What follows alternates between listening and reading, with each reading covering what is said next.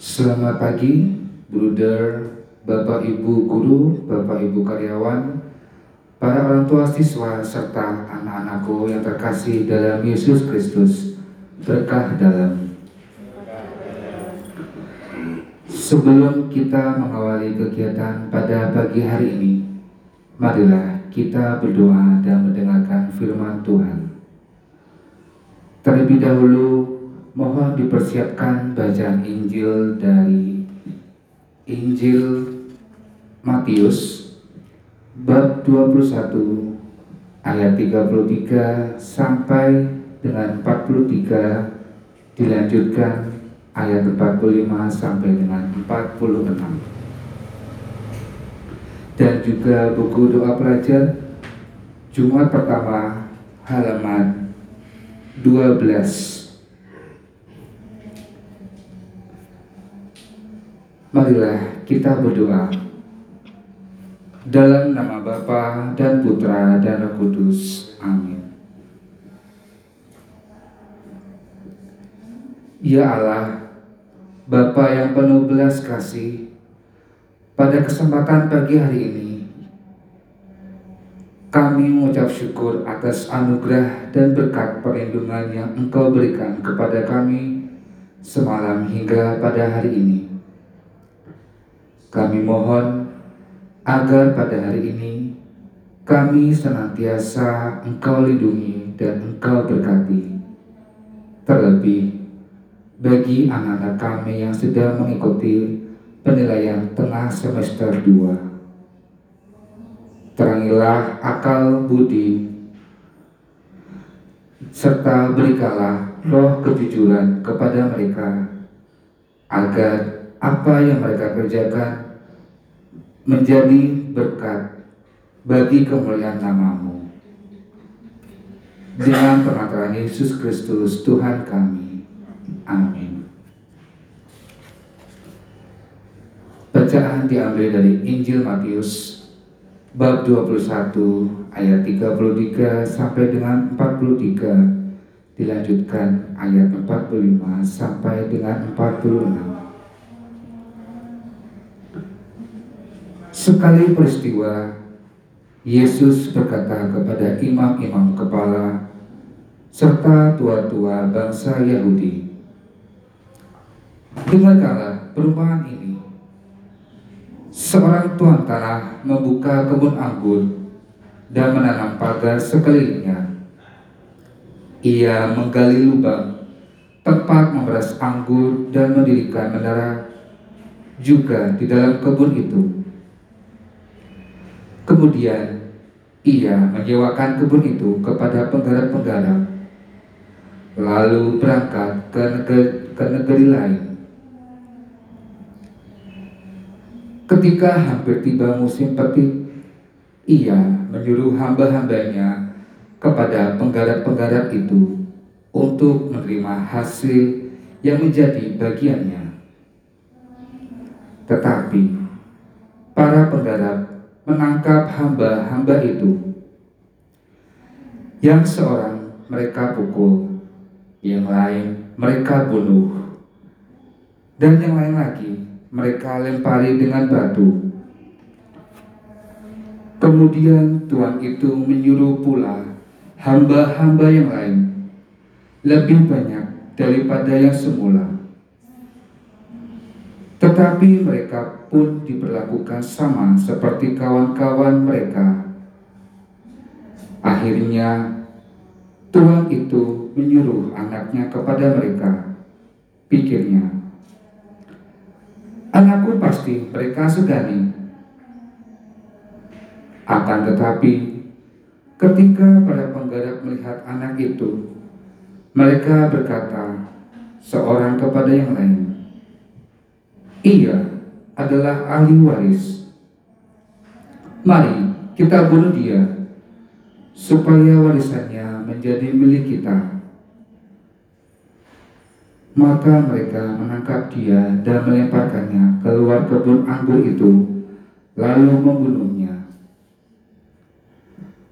Maka apabila tuan kebun, kebun anggur itu datang, Apakah yang akan dilakukannya dengan penggarap-penggarap itu? Kata imam-imam kepala dan tua-tua itu kepada Yesus, Ia akan membinasakan orang-orang jahat itu dan kebun anggurnya akan disewakannya kepada penggarap-penggarap lain yang akan menyerahkan hasil kepadanya pada waktunya. Kata Yesus kepada mereka, Belum pernahkah kamu baca dalam Alkitab suci? Batu yang dibuang oleh tukang bangunan telah menjadi batu penjuru? Hal itu terjadi dari pihak Tuhan. Suatu perbuatan ajaib di mata kita Sebab itu aku berkata kepadamu, kerajaan Allah akan diambil daripadamu dan akan diberikan kepada suatu bangsa yang akan menghasilkan buah kerajaan itu. Mendengar perubahan Yesus itu, imam-imam kepala dan orang-orang Farisi mengerti bahwa mereka yang dimaksudkannya maka mereka berusaha menangkap dia. Akan tetapi mereka takut kepada orang banyak karena orang banyak itu menganggap Yesus nabi. Demikianlah Injil Tuhan.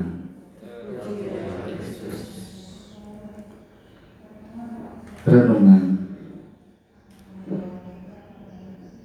Injil hari menunjukkan bagaimana Yesus memperingatkan orang-orang yang merasa sudah aman hidupnya, yaitu imam-imam kepala dan orang-orang Farisi. Mereka merasa bahwa status diri mereka telah memberikan jaminan bahwa mereka akan selamat. Padahal yang terjadi sebaliknya. Mereka tidak waspada mereka lupa bahwa iman tidak hanya bergantung pada hukum, tetapi lebih-lebih pada tindakan konkret yang membawa pada keselamatan umat manusia. Mereka tidak memahami bahwa sekedar bergantung pada hukum Taurat tanpa melaksanakan kebaikan akan membawa membawa mereka pada sifat munafik. Padahal sifat munafik adalah penyebab tidak selamatnya seseorang di hadapan Allah. Sebaliknya, orang-orang yang mendapatkan tekanan dari para imam kepala dan orang Farisi dapat mengalami kondisi yang sebaliknya. Mereka yang tadinya ditekan dapat saja justru menjadi yang memperoleh keselamatan. Mereka yang menjalani hidupnya dengan kesetiaan dan ketulusan pada tugasnya akan memperoleh jaminan keselamatan itu.